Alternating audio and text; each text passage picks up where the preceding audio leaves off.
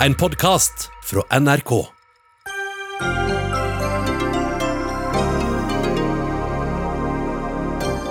Igjen klart for svenskehandel i Värmland, mens nordmenn i Spania må rett i karantene hvis de kommer hjem etter midnatt. Regjeringas nye reiseråd ble lagt fram i ettermiddag. Flere vil ta høyere utdanning, viser tallene fra Samordna opptak. Og helsefag er ekstra populært. Det skyldes i hovedsak koronaen, sier utdanningsminister Henrik Asheim. I Rendalen har eh, ulv tatt kalver utenfor ulvesona, selv om bonden har stått vakt. Hva med dyrevelferden til flokken min, spør bonden som har fått nei til å felle ulv. Og i dag var det fredagsbønn etter at Istanbuls mest kjente landemerke, Aya Sofia, åpna som moské.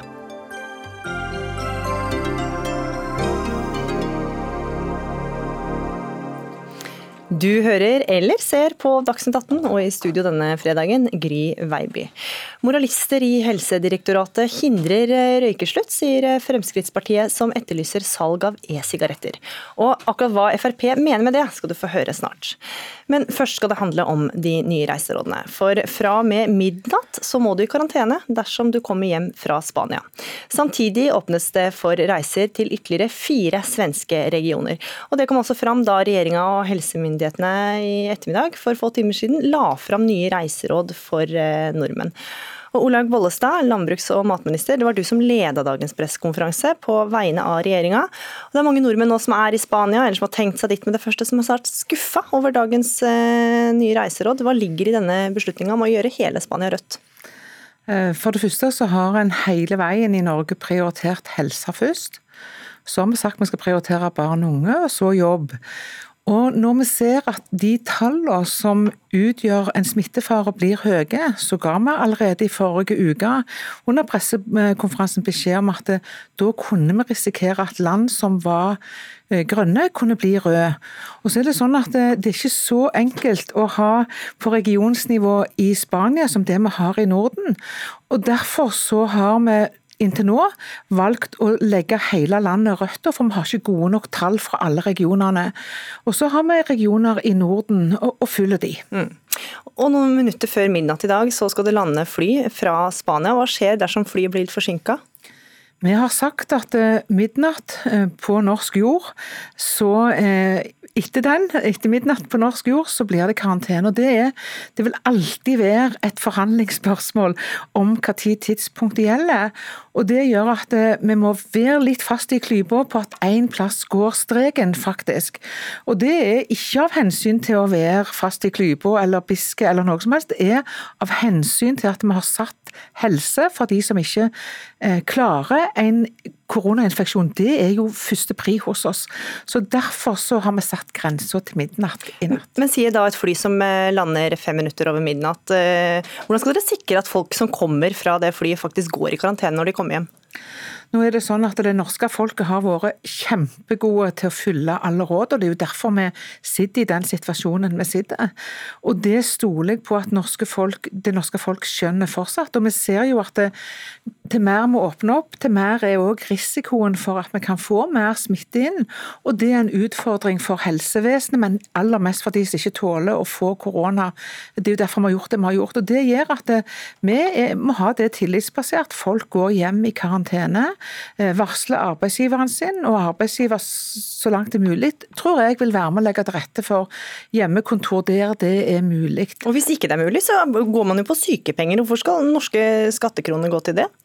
Nå er det sånn at De som har reist ut til et land på, som har vært grønt når de reiste ut. De har jo reist på råd. Eh, de har eh, den retten, hvis de fyller opp alle krav til det, til det med sykepenger, så kan de få det.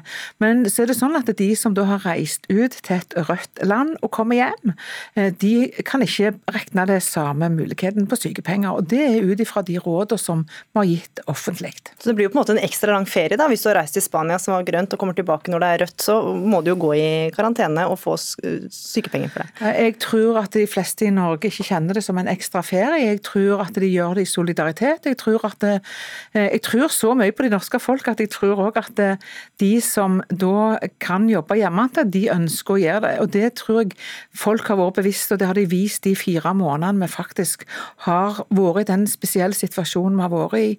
Og så er det sånn at eh, vi vil hele veien følge med på dette. og det er jo sånn at Tall og fargene endrer seg ut ifra hvordan andre land åpner opp, og hvor flinke vi er med de helt grunnleggende tingene, som den vanlige meteren. Vasking av hender og gå, til, gå og ta prøver hvis du har symptomer. Vi skal eh, til Alicante, vi. Eh, Irene Primstad, du eier restaurant der. og Hvordan ble disse reiserådene mottatt eh, der du er? Ja, de ble mottatt med, med, med blanda følelse. Det var både positivt og negativt. For oss som driver her i Spania på norsk og i, på norsk måte og med norske folk, så det, er det bare trist for oss. Ja, Hva er det du reagerer spesielt på da?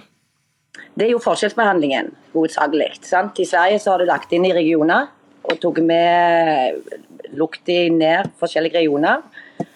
Og her i Alicante så, så jeg at det, smitten, hovedsmitten her nede er jo oppe i Aragon og i Barcelona-området. Og, og oppe i Aragon så har det ikke vært nordmenn på, på 40 år. sant? Eh, greit nok med Barcelona.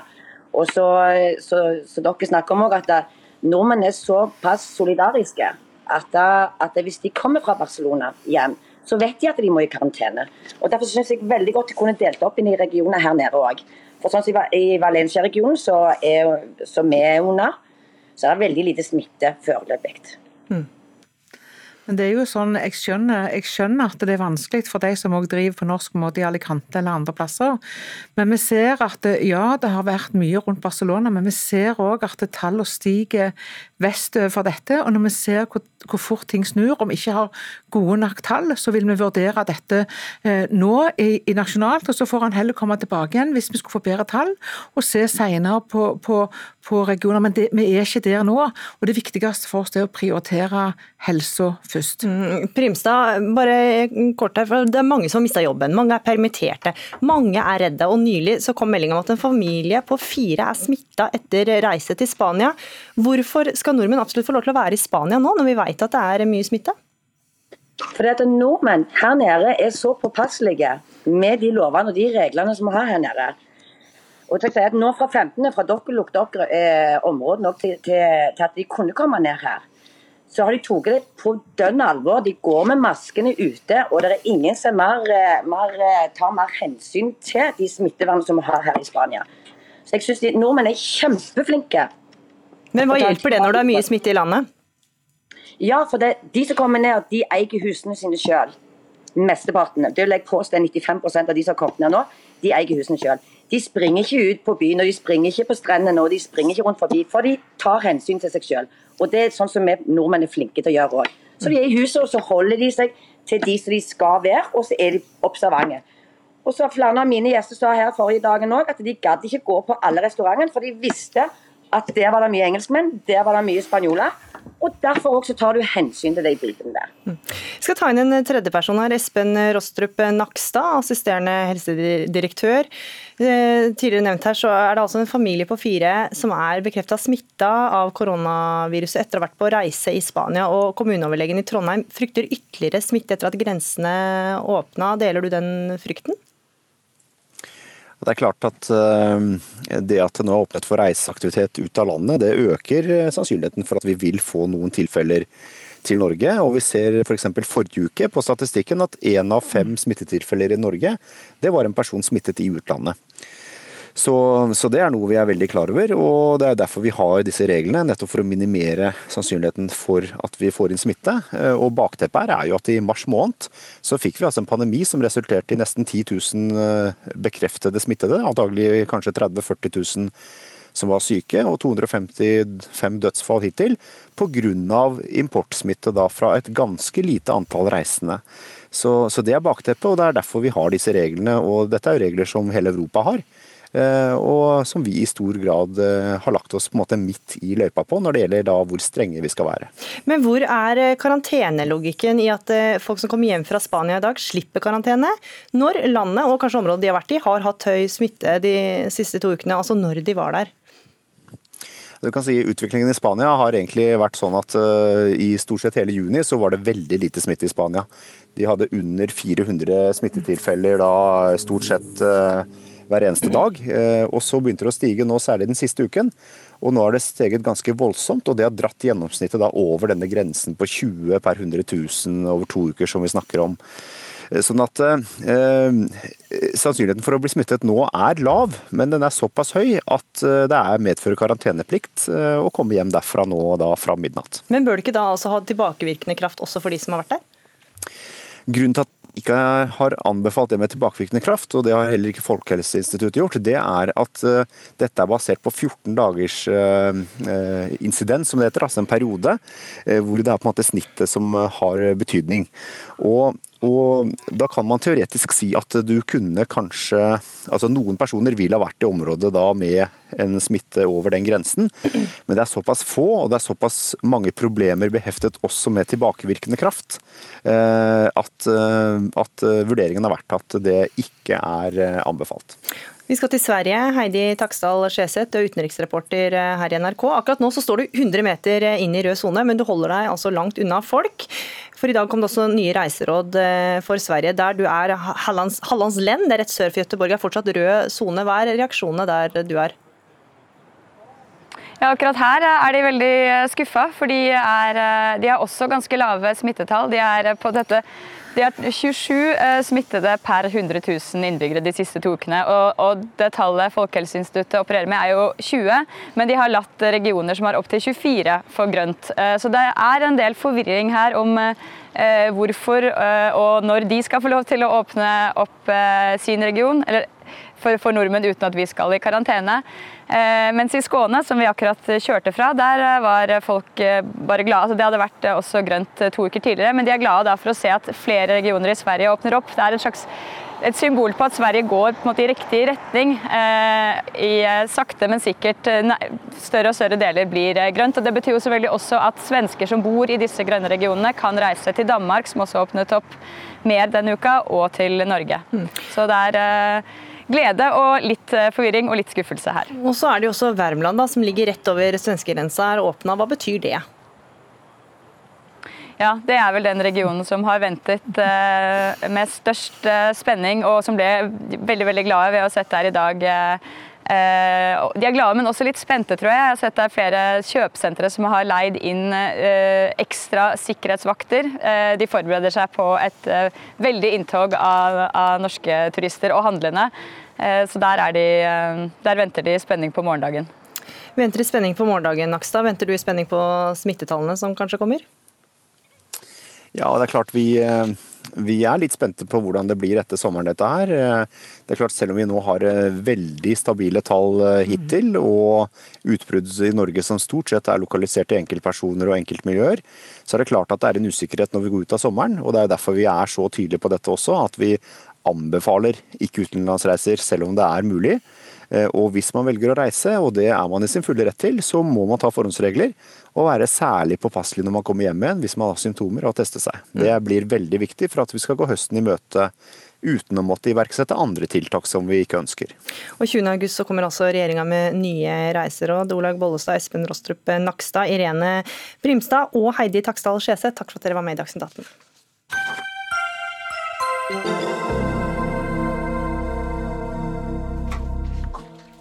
I dag kom de nasjonale tallene for eh, årets opptak til høyere utdanning. Og Tallenes tale viser at det er rekordmange som ønsker å gå høsten i møte som student. Over 150 000 har søkt om eh, studieplass, rundt 12 000 flere enn i fjor. Og Medisin- og psykologistudiene er de som er vanskeligst å komme inn på. Henrik Asheim, eh, forsknings- og høyere utdanningsminister. Hvordan forklarer du de rekordhøye søkertallene? Jeg tror nok vi må være så ærlige å si at eh, den eh, covid-19-pandemien vi har stått i nå, er mye av årsaken. Husk på at fristen for å søke var jo 15. april. Eh, Da sto vi jo midt i hele nedstenging og alt det som var. Eh, og Da er det mange som søkte høyere utdanning. og så har vi sett nå, etter at vi også ga noen flere studieplasser, 4000 flere, at vi også har gitt rekordmange tilbud om studieplass. Over 100 000 studenter får tilbud om studieplass i 2020. Norsk studentorganisasjon er bekymra for at det kan gå utover kvaliteten på studiet, nettopp at det er så mange som har søkt og kommet inn. Deler du den bekymringa? Ja, det er i hvert fall et dilemma vi alltid står i. For det er klart at vi ønsker jo å tilby eh, så mange som mulig av de som ønsker å utdanne seg en plass. Men det må henge sammen med kvalitet, og det må henge sammen med både at vi får nok praksisplasser, men også at kvaliteten er god på utdanningen. Det nivået vi er på nå er ikke jeg så veldig bekymret for, for de 4000 ekstra plassene vi vedtok før sommeren, de var jo gjort i dialog med eh, universitetene og høyskolene våre. Vi spurte dem hvilken kapasitet har de. Vi har også bevilget 40 millioner til å bygge om lokaler slik at de blir tilpasset flere studenter. Så vi har gjort alt det vi kan. Eh, men det er klart, mange studenter betyr også at det er eh, mange som trenger oppfølging. Mm. Og sånn så Hvert år så tas det opp inn flere studenter enn det det er studieplasser. Men man overbooker, ikke sant? Man regner med at ikke alle kommer til å møte opp. Og som jeg forstår det, så er 108 000 fått tilbud, 61 000 plasser fins. Vil ikke det være ekstra problematisk da i et år hvor det er så mange søkere? Jo, dette er jo noe som vi egentlig gjør hvert år. Det er klart å få litt mer oppmerksomhet. Men nå er det jo ekstra mange. Er så store, ja.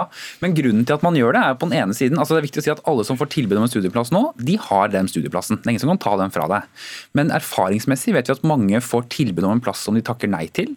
En del møter heller ikke opp på studiet, og alternativet vårt hadde jo vært å enten stå med tomme eh, plasser lenger ute på høsten, eventuelt at vi måtte vente så lenge med å gi beskjed at det er vanskelig å planlegge eh, livet sitt.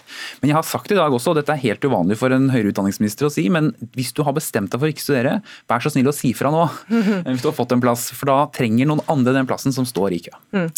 Et av de fagene som er veldig populære er helsefag. Tallet på sykepleierstudenter øker, og medisin er det mest populære studiet. Hvordan forklarer du det? Det tror jeg også har litt med covid-19-situasjonen å gjøre. For jeg tror mange så hvor viktig helsevesenet var når en sånn pandemi rammet. Og jeg syns det er fantastisk fint at man sitter hjemme og ser kanskje hvor viktig helsevesenet er, og så ønsker man å bidra inn i det. Så det tror jeg er en veldig viktig årsak. Og så er det klart at sykepleier har vært veldig populært lenge. Og det blir kanskje ekstra populært nå, som man også så hvor viktig sykepleierne våre er. Mm. Eh, Åshild Brun Gundersen, du er stortingsrepresentant fra Fremskrittspartiet og helsepolitisk talsperson. Søkninga til sykepleierstudiet er altså stor. Det er en økning på 5,2 over 13 000 søkere til ca. 7000 studieplasser. Det betyr at det er mange som ikke får plass i dag. Hvordan skal det løses? Nei, Det er jo rett og slett eh, bare å beklage. Det er jo en fallitterklæring at vi i Norge ikke klarer å utdanne det helsepersonellet vi trenger selv. Norge i dag er fullstendig avhengig av import fra andre land. Både når det gjelder antall studieplasser og når det gjelder kompetente helsepersonell. Altså 40% av de legene som jobber i Norge i dag, de har sin utdannelse fra et annet land. Tall viser at Norge kommer til å mangle 28 000 sykepleiere innen 15 år hvis vi ikke tar grep, og det ser det rett og slett slett ikke ut til at regjeringa gjør. Men hva Derfor bør de gjøre da?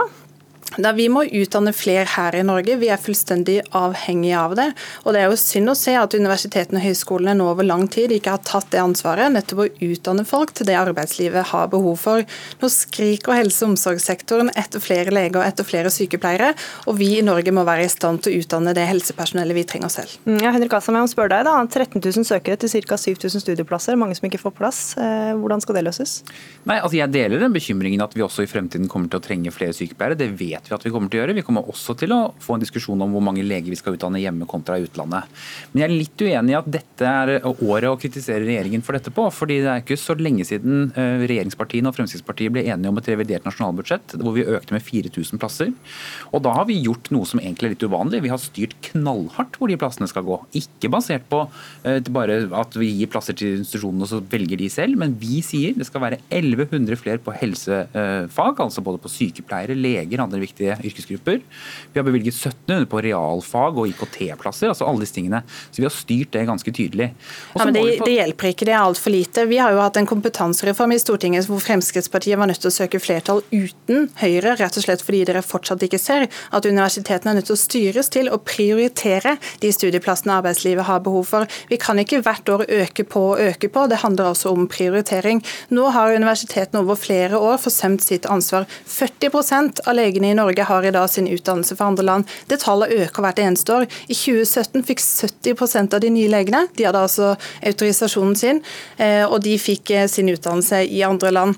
Og Det gjør altså Norge ekstremt sårbart, sær, særlig innen koronapandemien som vi så nå, hvor grenser stenges. Da kan vi rett og slett ikke forvente at det er en mulighet til å få tilgang til å importere den arbeidskraften som helse- og omsorgssektoren vår er helt avhengig av. Mm, ja, altså, en rapport fra Helsedirektoratet viser bl.a. at leger med utenlandsk utdanning utfører totalt halvparten av årsverkene i Østfold, og andelen overstiger 40% også i Agder-fylkene og en rekke andre fylker. Mm. Hvorfor klarer ikke Norge å utdanne nok helsepersonell?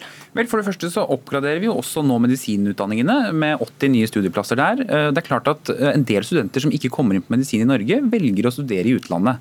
Det er jo litt vanskelig å måtte nekte dem å gjøre det. Er det egentlig litt bra for norsk økonomi at eh, mange utdanner seg i utlandet? Da Nei, sparer altså, vi pengene på det. Ja, altså, for så vidt så det, kommer det veldig mange gode leger til Norge, både fra Polen og Ungarn og Danmark, som har studert der istedenfor hjemme i Norge. Men det er klart, vi også sitter jo nå og diskuterer en rapport som heter Grimstad-utvalget, som har foreslått tiltak for å øke medisin medisinutdanningene også i Norge.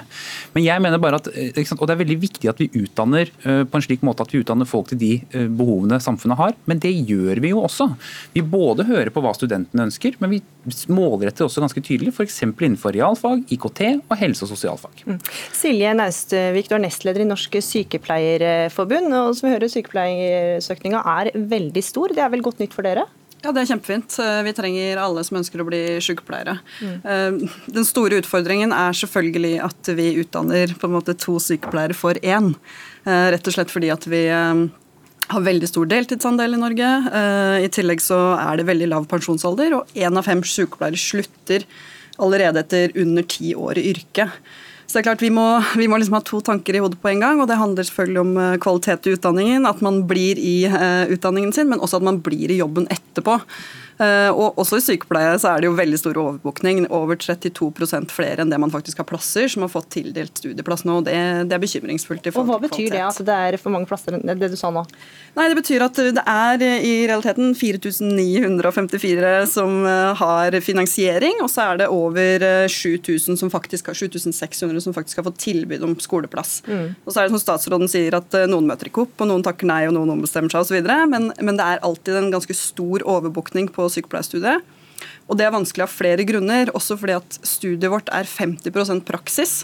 Og Da skal vi finne gode praksisplasser som tilbyr god nok kvalitet. Mm. Og Da kan vi ikke overbooke i så stor grad. Og Det er jo allerede et problem i dag. Asheim. Mange steder så er det et problem å få eh, sykepleierstudenter ut i praksis. Ja, det er det. og Dette er en av de tingene som vi jobber ganske mye med. faktisk, og Det er ikke noe sånn quick fix på det heller. Jeg har hatt godt møte med både med Sykepleierforbundet og sykepleierstudentene om dette også, for å se på hva vi kan gjøre. Vi bruker nå 50 millioner gjennom det som heter DIKU, som er et direktorat som skal utlyse midler for å finne forskjellige modeller for å finne gode eh, praksisplasser.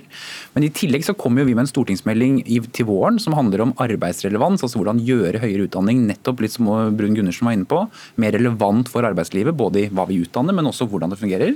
Og der kommer praksisplasser også til å være en veldig viktig del av det. Og jeg har jo lyst til å gi en liten henstilling også til kommunene våre, som er veldig avhengige av alle disse flinke sykepleierne vi skal utdanne da må man også sette av det i tiden og den ressursene det tar, og utdanne dem. Mm. Og Noe av det arbeidet ligger faktisk ute i arbeidslivet, i kommunene og ikke minst i helseforetakene våre. Mm. Ja, Åshild Brun Gundersen, Hvordan tenker du at man skal løse problemet med praksisplasser? da?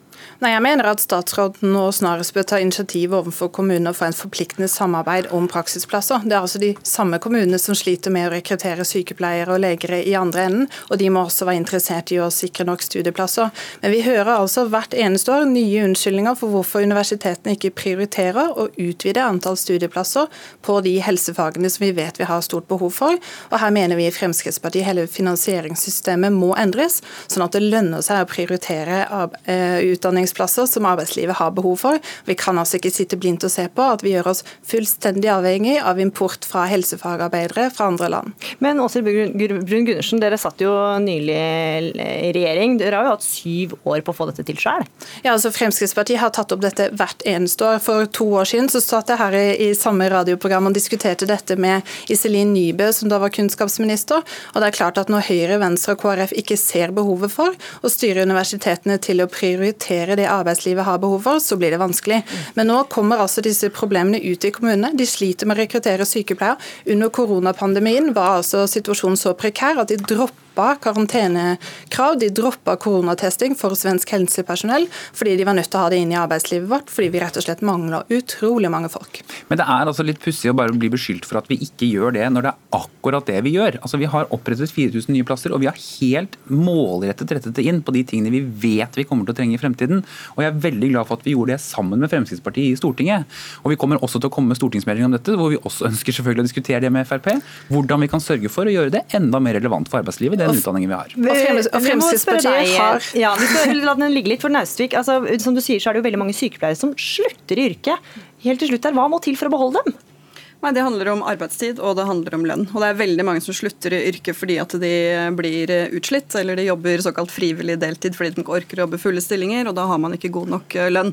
Så sykepleierne velger å bli konduktør, f.eks., eksempel, i stedet. Og det er rett og slett en katastrofe idet vi mangler 6000 sykepleiere i dag, og mange flere om noen få år. Mm. Dette er jo et kjempeproblem. Ja, det er det, og det er noe vi er kjent med. og Helseforetakene har jo også arbeidet ganske systematisk med dette over en stund for å få den heltidskulturen som vi etterspør. Jeg vet godt at helseministeren også har god kontakt med Sykepleierforbundet om dette, men helt åpenbart, dette er en utfordring som vi må løse på mange måter. Mm, og det Vi skal følge mer på hvordan dere kommer til å løse den. Henrik Asheim, eh, utdanningsminister Silje Naustvik fra Norges Sykepleierforbund og Åshild Brun Gundersen fra Frp, takk for at dere var med i Dagsnytt 18.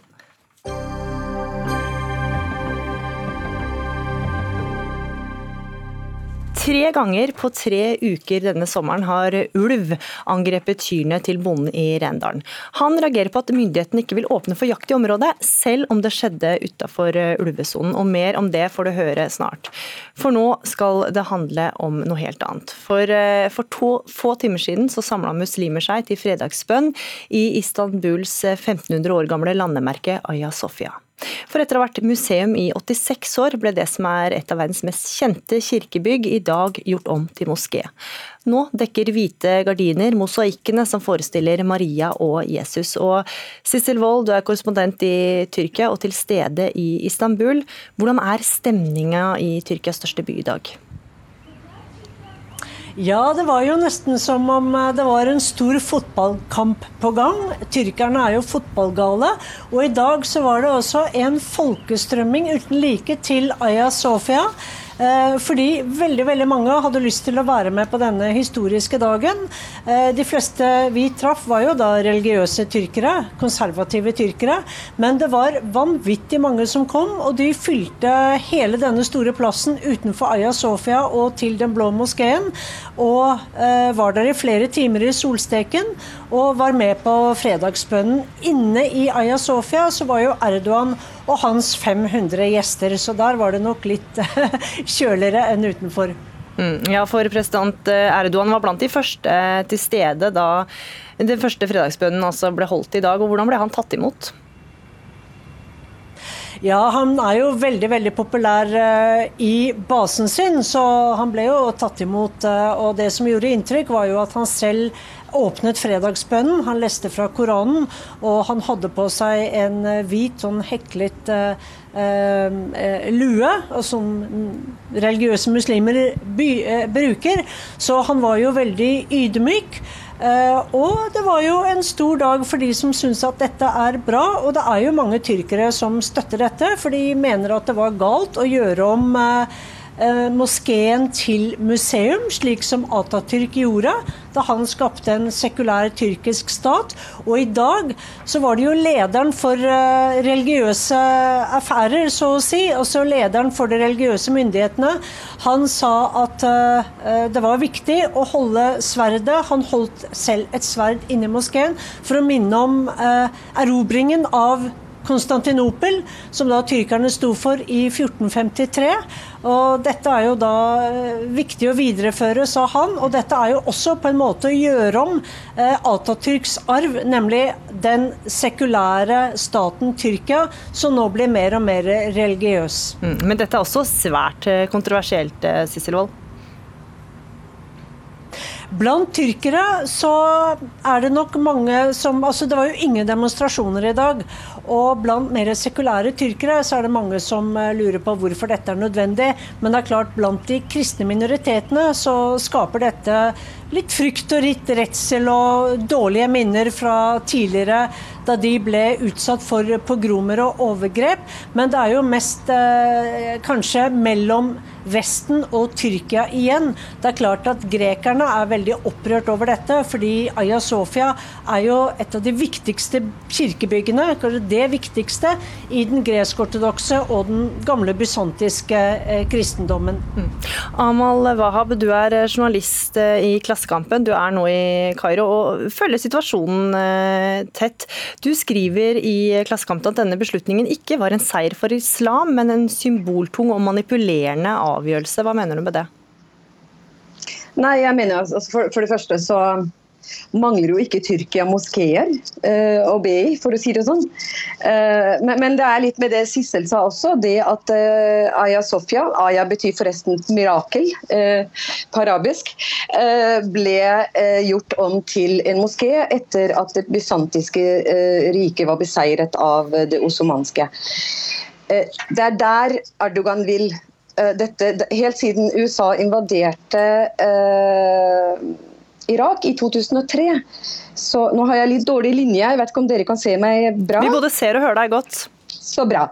Eh, I 2003 invaderte USA Irak, og siden da spesielt så har det vært en med rette følelse blant muslimer rundt om i verden at eh, de er blitt fritt beite. At land med muslimsk majoritet er blitt eh, fritt beite for vestlige stormakter.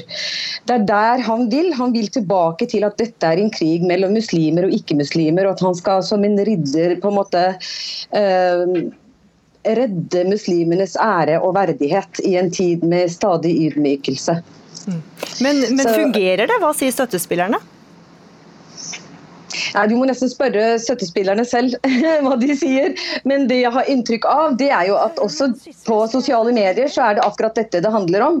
Man uh, argumenterer med at ja, men uh, du har uh, moskeer i Spania, Hellas og Portugal som har gjort om til, til kirker. Og, og, og derfor er det helt naturlig at dette også blir en moské.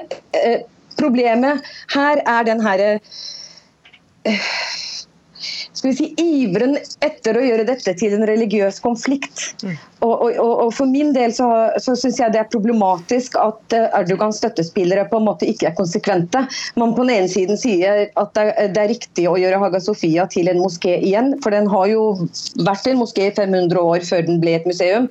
Samtidig som de er massive kritikere av Spania og Portugal og andre land der i denne menneskelige historiske epoken eh, der det var vanlig at seiersherrene gjorde nettopp det, eh, har gjort da moskeer til kirker. Mm. Så man er nesten, De er nesten nødt til å bestemme seg hva, de, hva, som er rett og hva som er galt. Mm. Ja, Sissel Wold, jeg hørte at du prøvde å kaste deg på når det gjaldt hva støttespillerne sier? Nei, altså Erdogan har jo en sterk stilling, har jeg inntrykk av, blant mange arabere på den arabiske gaten. Og noe Erdogan vil, det er jo å styrke seg som en islamsk leder også.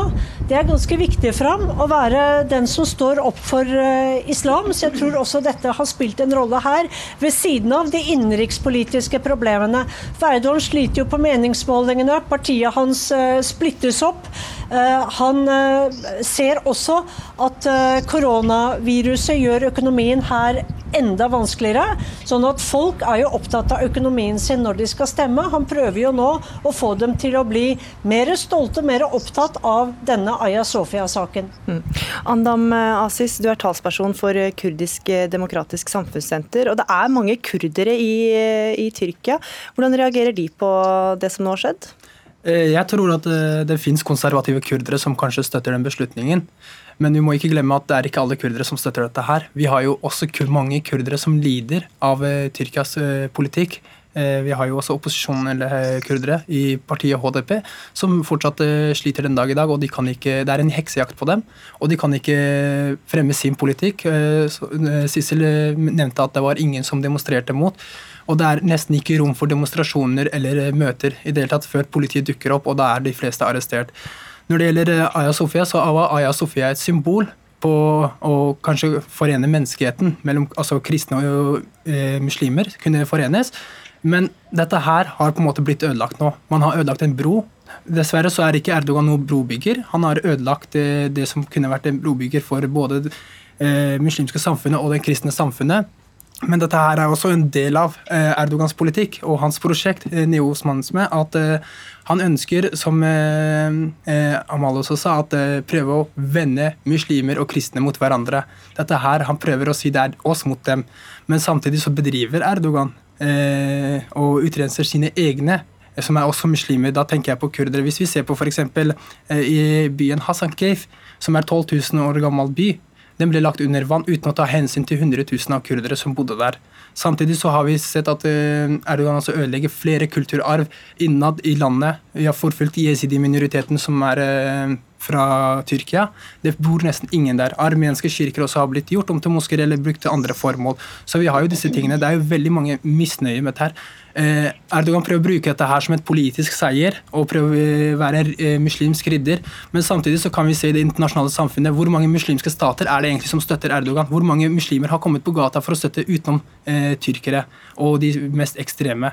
Det er ingen andre som har kommet. Vi ser at også at uh, Tyrkia er stadig i konflikter med de muslimske verden. Da tenker jeg på Saudi-Arabia, Egypt, uh, Emiratene osv. Mm. Ja, Sissel Wold, hvilke reaksjoner har kommet internasjonalt etter at Aya Sofia nok en gang har blitt gjort om til moské? Det er jo selvfølgelig den greske både statsministeren og gresk-ortodokse eh, patriarkatet og, kirke, eh, og kirkeledere eh, syns at dette er veldig skremmende og trist, og de syns at dette er helt unødvendig. Og nettopp det, da Aya Sofia ble et museum, så mente jo også den gresk-ortodokse patriarkaten pat, ja, mm. her at, at det betydde at det var rom for alle. Eh, religioner i eh, dette gamle kirkebygget. Men at nå så skaper man på en måte en splid mellom eh, muslimer og tyrkere. Og det var armenere og, og grekere jeg snakket med i går, bekymret for. At dette blir en, en, en, en unødvendig skillelinje i Tyrkia fremover. Mm. Amal Wahab, er du enig i den analysen? Eh, jeg holdt på å si både om. Jeg vil først kommentere noe av det Sissel sa om at eh, Erdogan er populær i den arabiske gata blant muslimer. og Det er eh, et, et problem at man alltid Eller jeg er uenig i, i, i uttalelsen. Han er veldig populær blant islamister. Og her kommer vi til et annet punkt som veldig få vestlige medier egentlig eh, skriver om. Eh, denne her store konfliktaksen som du finner igjen i omtrent samtlige land i Midtøsten. Og Det er konfliktaksen mellom muslimer som er islamister, og muslimer som ikke er islamister. Så Erdogan har støtte i den arabiske gata blant islamister, altså de som mener at islam eh, er, eh, ikke er fullbyrdet før deres forståelse av Guds ord råder, og at staten eh, på en måte styres etter det de mener er riktig islam. Eh, men så har du eh, ikke-islamister på den andre siden som da mener at nei, sånn er det ikke. Vi er muslimer. Man har vært, jeg er muslim, vi har vært muslimer i 1400 år. Og islam gir ikke noen oppskrift for hvordan en stat skal bygges. Den gir grunnfundamentet i betydning eh, generelle prinsipper. Og så kan man godt, eller Du kan godt si fundamentet i huset, og så kan hver og en bestemme hvordan overbygningen skal se ut. Det Erdogan vil, han og, og islamistene rundt om, det er en sånn prototypegreie hvor man har definisjonen på hva det betyr å være en, en muslim, eh, og, og, hva det betyr å, å, å følge i gåsetegn eh, Guds ord. Mm. Helt til slutt, Sissel Wold, vil dette her eh, kunne sikre Audoan eh, ny seier? Eh, jeg hørte ikke spørsmålet. Helt til slutt så lurte jeg på om dette her gjør at Erdogan sikrer en seier? Altså Gjør han mer populær blant sine støttespillere?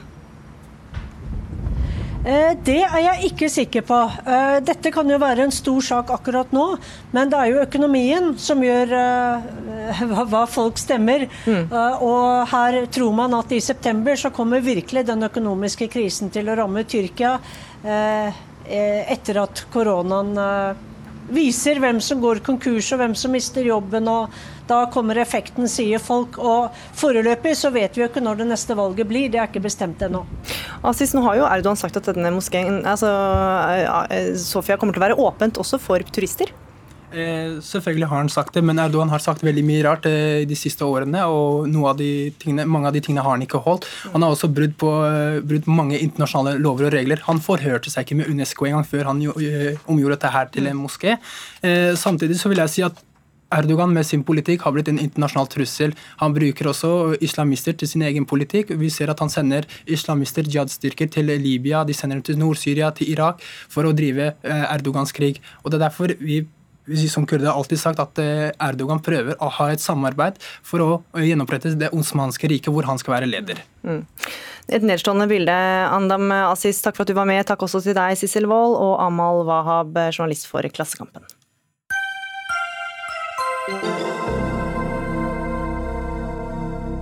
For nå skal det handle om e-sigaretter med nikotin. For mange år etter at Stortinget ga tommel opp for salg av elektroniske sigaretter med nikotin i Norge, er det fortsatt ikke mulig å kjøpe. Og Grunnen til det er moralisme og trenering i Helsedirektoratet. Ja, Det sier du, Åshild Brun Gundersen, FrPs helsepolitiske talsperson. I et intervju med Dagsavisen så skylder du på moralister i direktoratet. Hvilken rolle har de i at e-sigaretter ikke er på markedet, mener du? Altså Det kan ikke forklares på noen annen måte. Vi må slutte i Norge å plage røykerne og heller hjelpe dem. Og da må vi altså tillate produkter som er mindre helseskadelige enn de produktene de allerede bruker.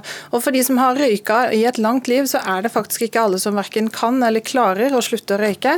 Og da vil det være bedre å få de over på mindre helseskadelige produkter, som f.eks. Eh, e-sigaretter med nikotin, eller snus uten tobakk. Men hvilken, skyld, men hvilken, altså men hvilken skyld har uh, moralisten i helsevesenet Helsedirektoratet, som du kaller dem det? Altså, De kommer på rekke og rad med nye forbud og påbud som de ønsker å, å, innføre i Norge for å gjøre det livet vanskeligere for de som allerede røyker. Og Vi i Fremskrittspartiet og flertallet i Stortinget har altså sagt klart ifra at vi skal ikke plage røykerne mer, vi skal heller hjelpe dem med å introdusere mindre skadelige produkter som e-sigaretter e med nikotin. og Det er altså fortsatt forbudt nå fire år etter Stortinget vedtok det første gang. For ordens skyld så har vi vært i kontakt med Helsedirektoratet som ikke kunne stille, men det kunne kunne du, Sveinung Stensland, du er stortingsrepresentant for, fra Høyre.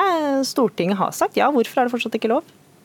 Det Stortinget har sagt er at eh, forbudet mot e-sigaretter skal oppheves når EUs tobakksdirektiv trer i kraft. Eh, og det har ikke trådt i kraft og blitt en del av EØS-avtalen ennå. Og Det er bakgrunnen for dette. Det har ikke noe med at noen i forvaltningen har kommet med nye argumenter mot, men det er rett og slett sånn at det direktivet har blitt forsinka. Mm. Ja. Og så er det jo sånn at mm det er ikke fullt ut dokumentert at eh, e-sigaretter er eh, et mye bedre middel for røykerne. Det er ikke fullt ut dokumentert at de som begynner med e-sigaretter, faktisk slutter å røyke. Og det er heller ikke fullt ut dokumentert at det er uh, uskadelig med e-sigaretter. Så det er jo en del faglige diskusjoner som går, men det må være lov å ha faglige diskusjoner uten å stemple det som moralisme. Ja, Vi skal uh, holde oss litt mer til Helsedirektoratet og moralistene der, Åshild Brun Gundersen, som du kaller dem. Fordi at De skriver i en e-post i Dagsavisen at de venter på at EUs tobakksdirektiv skal innlemmes i EØS-avtalen, og det har tatt lengre tid enn først venta. Skal Norge overstyre det? da?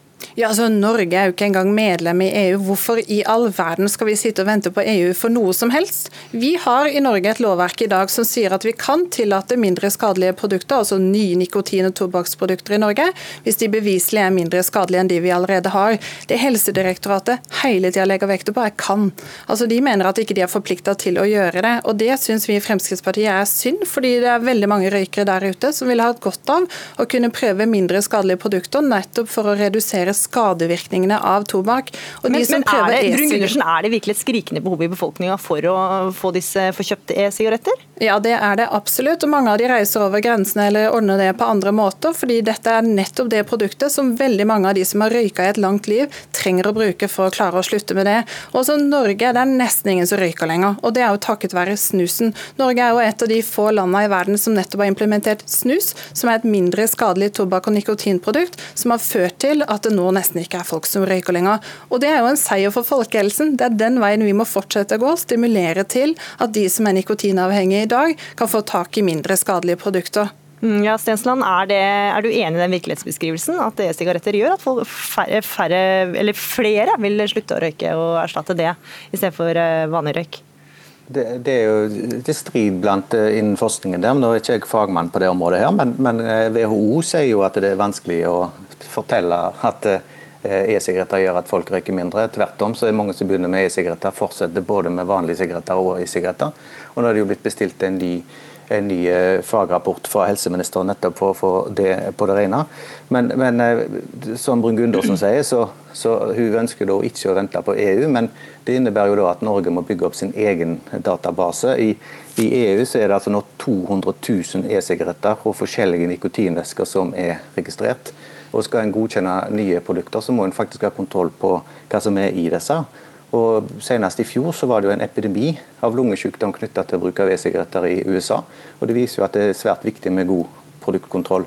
Ja, altså, nettopp som, skal inhaleres, som skal inhaleres i lungene. Mm. Og Lungeleger i Norge har fortalt om pasienter som kommer inn med eh, ganske spesielle symptomer som de ikke har helt kontroll på, som skyldes e-sigaretter. Så Det blir litt feil å si at e-sigaretter er helt ufarlig, men jeg er enig med Brun Gundersen at for noen så kan det være et godt alternativ til røyking. Derfor så må vi fase det inn på en god måte, sånn at ikke det ikke det skjer at folk begynner med e-sigaretter som ikke røykte i utgangspunktet. Mm, Brun Gundersen? Ja, altså man kan i hvert fall ikke ta USA til inntekt for at e-sigaretter er farlig. og nettopp Eksempler fra USA skal vi lære av. I USA så er e-sigaretter ikke regulert, noe som betyr at ungdom har klart å bruke det til å eh, implementere syntetisk narkotika, cannabisolje og andre ting i e-sigaretten, som dessverre er, har dødelig utgang. Og Det viser altså behovet for at vi må lovliggjøre e-sigaretter i Norge, sånn at vi kan regulere det på en trygg og god måte måte. Og Vi trenger ikke gå lenger enn over til Sverige. Sverige har alle systemene og utsalget på dette klart. Vi trenger bare å kopiere det på samme måte. Jeg er helt sikker på at forskningsmiljøene og fagmiljøene i Sverige er like gode som i Norge til å finne ut av hvordan dette kan gjøres fornuftig. Men for de som storrøykere i dag, så betyr det altså at man kan få redusert skadevirkningene av tobakk, og det vil være bra for folkehelsen. Og Jeg håper nå altså helseministeren tar grep og sørger for fortgang i dette. Nå har vi venta fire år, nå holder det. Ja, Stensland. Ja, altså, Hvis Norge skal bygge opp sitt eget system, så må da Statens legemiddelverk, som er det norske forvaltningsorganet for dette, bygge opp en egen avdeling som skal holde rede på alt dette, istedenfor at vi venter på å bli en del av eh, tobakksdirektivet, sånn som Stortinget har vedtatt, og får hele pakken på plass, sånn som da Sverige har, fordi at de er et EU-medlem. Eh, men jeg er enig med Brun Gundersen at dette bør komme på plass. Men her har det blitt forsinka. Men vi må ikke fremstille e-sigaretter som noe sunt og vanlige sigaretter som noe usunt. Begge deler er usunt, og så er det spørsmålet hva som er best.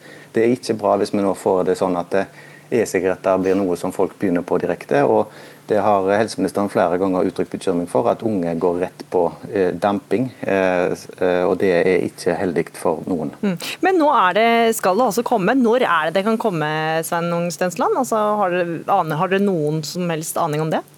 Ja, jeg sjekka jo litt ut før den debatten. Det er grunn til å tro at dette blir implementert i løpet av inneværende år. Så får vi håpe at det stemmer. For jeg deler, jeg deler bekymringen til Brun-Gudonsen. Dette treng, trenger å bli regulert. Men vi må ikke selge det inn som en sånn vidunderkur mot mm. røyking. Mm. Dette er fortsatt et skadelig produkt, og det trengs god produktkontroll. Det viser òg erfaringen fra USA. Da får du vente bare til slutten av året, da. Åshild Brun-Gundersen fra Frp, takk for at du var med. Takk også til deg, Sveinung Stensland. Hør Dagsnytt 18 når du vil. Radio NRK Radio.nrk.no.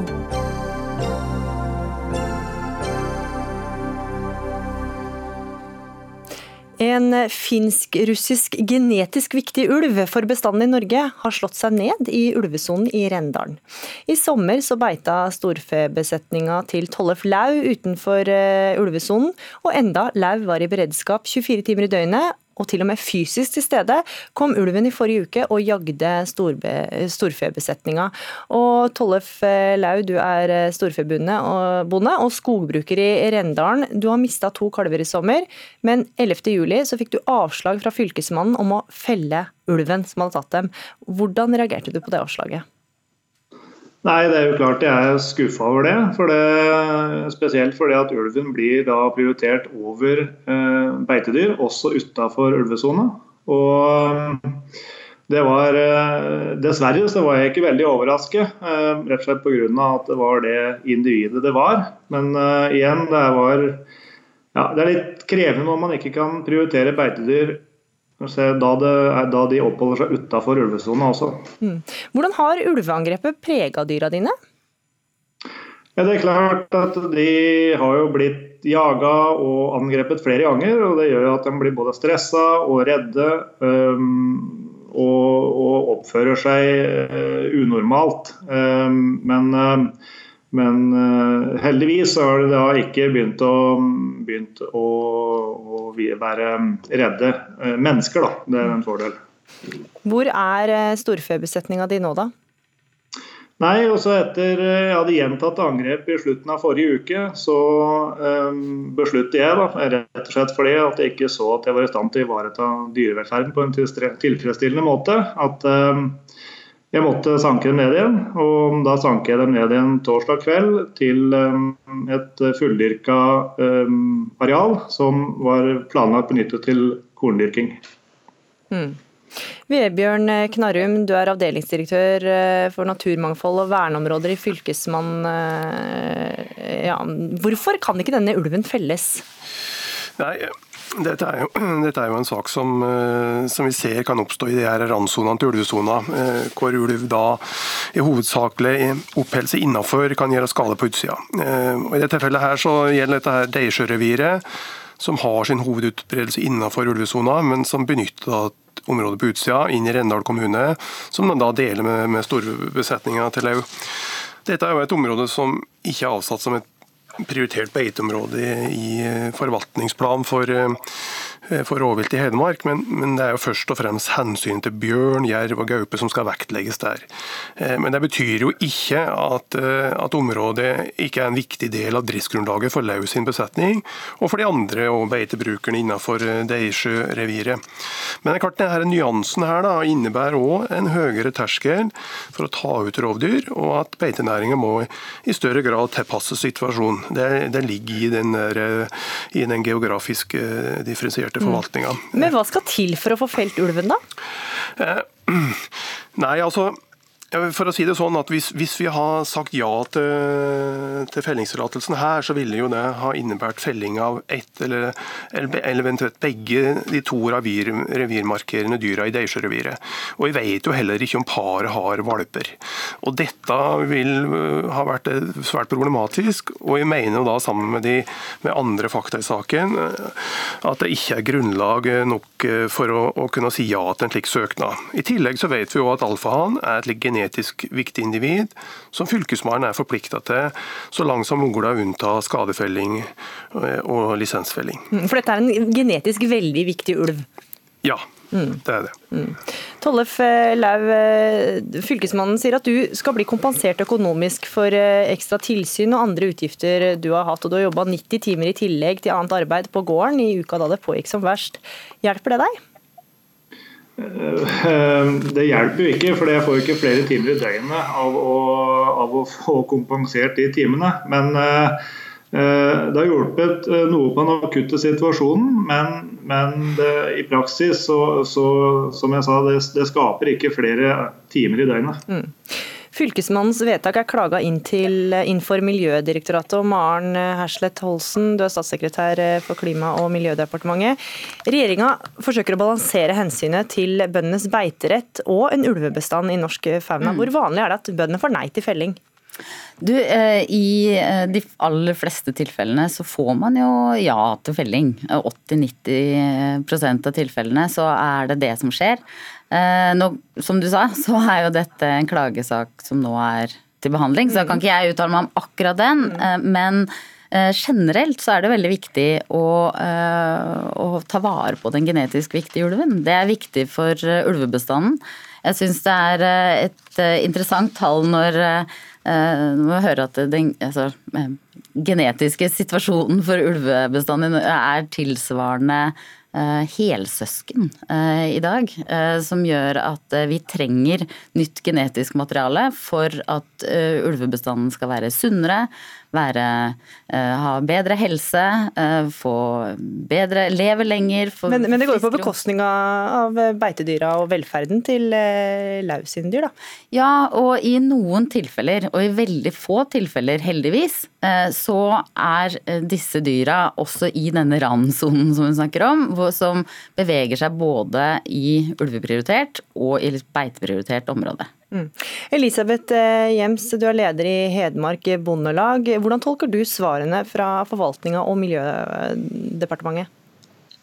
Nei, Dette her er jo en uh, føljetong som har gått i, i, mange mange år, hvor vi ser at eh, en prøver å kombinere rovdyr og beitedyr i samme områder, og det er ikke forenlig.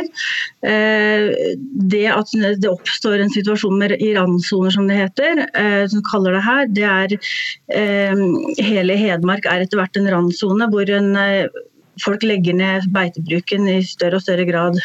Og Fylkesmannen snakker om at det ikke er et spesielt beiteprioritert område. og det er Stortingets retningslinjer, hvor det er vedtatt av ulvesone. Og utafor ulvesona er det beiteprioritert område. Eh, og når en eh, Tolle Flau har eh, køtteflokken sin der, så må han kunne stole på at han kan beholde den og beholde nattsøvnen når han får dyra sine på beite. Men Jems, vi hører jo her også at i ni av ti tilfeller så får bonden ja til felling av ulv og bjørn etter angrep. Går det ikke da som regel bra for bonden i alle disse sakene? Nei, Det er en kjempebelastning å stå der med, de, med store skader. Eh, det, er helt riktig at det gis ofte fellingstillatelser eh, etter at eh, skaden har skjedd på sommerstid. Men vi sliter jo med at vi har myndigheter som ikke forholder seg til et bestandsmål på fire til seks ynglende flokker, mens vi nå har åtte og en halv ynglende flokk i Norge.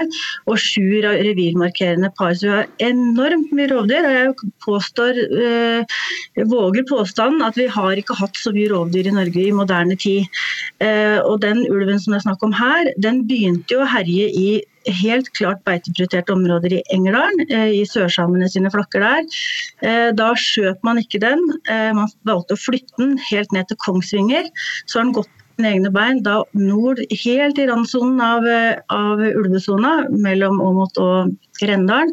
Han har oppholdt seg eh, ganske stabilt i Rendalen eh, i tre-fire ukers tid nå. Eh, rundt det er en spesiell ulv her, rett og slett, som har eh, også ble flytta til Kongsvinger med helikopter etter tidligere angrep. Eh, Eh, Maren Herslet Holsens eh, statssekretær. Eh, Rendalen har vært plaget av ulv i tiår. Bønder har gått fra å ha sau til storfe for å unngå ulven. Mm. Likevel så skjer angrep.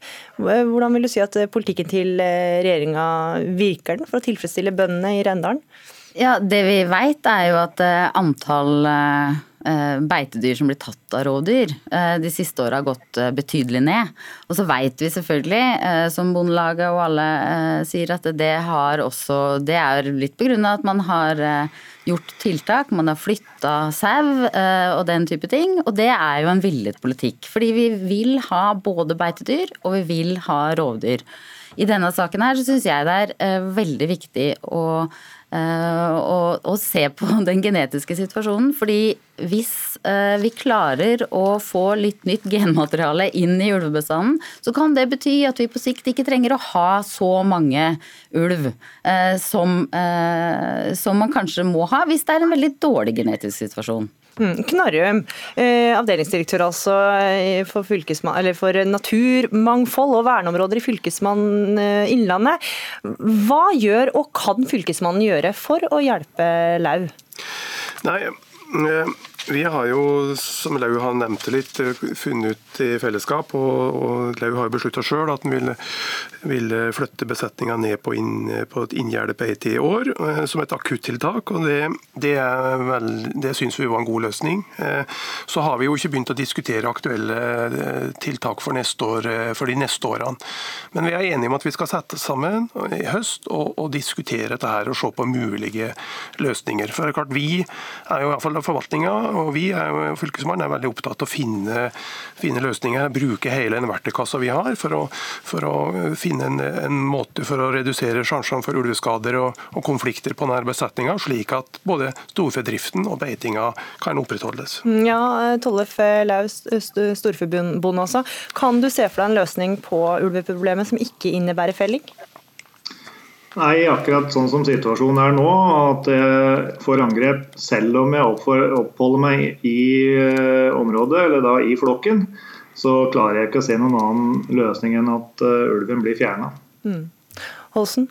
Ja, jeg har lyst til å si at jeg, i dette tilfellet òg, eh, og i, vel, i, de aller fleste tilfellene, så er det eh, høy grad av tillit. da, mellom, altså Det er god dialog mellom fylkesmennene, som vi ser her, og de beitebrukerne og de lokale som er i eh, utsatt situasjon. Det er kjempeviktig at den dialogen er der, at man klarer å snakke om tiltak, og at de skal nå snakke mer sammen. Men ulven bryr seg ikke om noe av dette her? Nei, men fordi eh, Jeg har jo stor forståelse for eh, den situasjonen som bøndene er i. Mm. Jeg har sjøl sau i eh, ulveprioritert område, så jeg, jeg, kjenner meg igjen i situasjonen at mm. det kan være vanskelig. Mm. Det var alt vi rakk om eh, ulv i Dagsnytt 18 i dag. Eh, Maren Hersleth Holsen, statssekretær, Vebjørn Knarrum eh, fra Fylkesmann Innlandet, Elisabeth Jems fra Hedmark Bondelag og Tollef Laus Storforbundet, takk for at dere var med i Dagsnytt 18, som altså er over. Ansvarlig for sendinga, Dag Dørum. Teknisk ansvarlig, Frode Torshaug. Og i studio, Gry Veiby.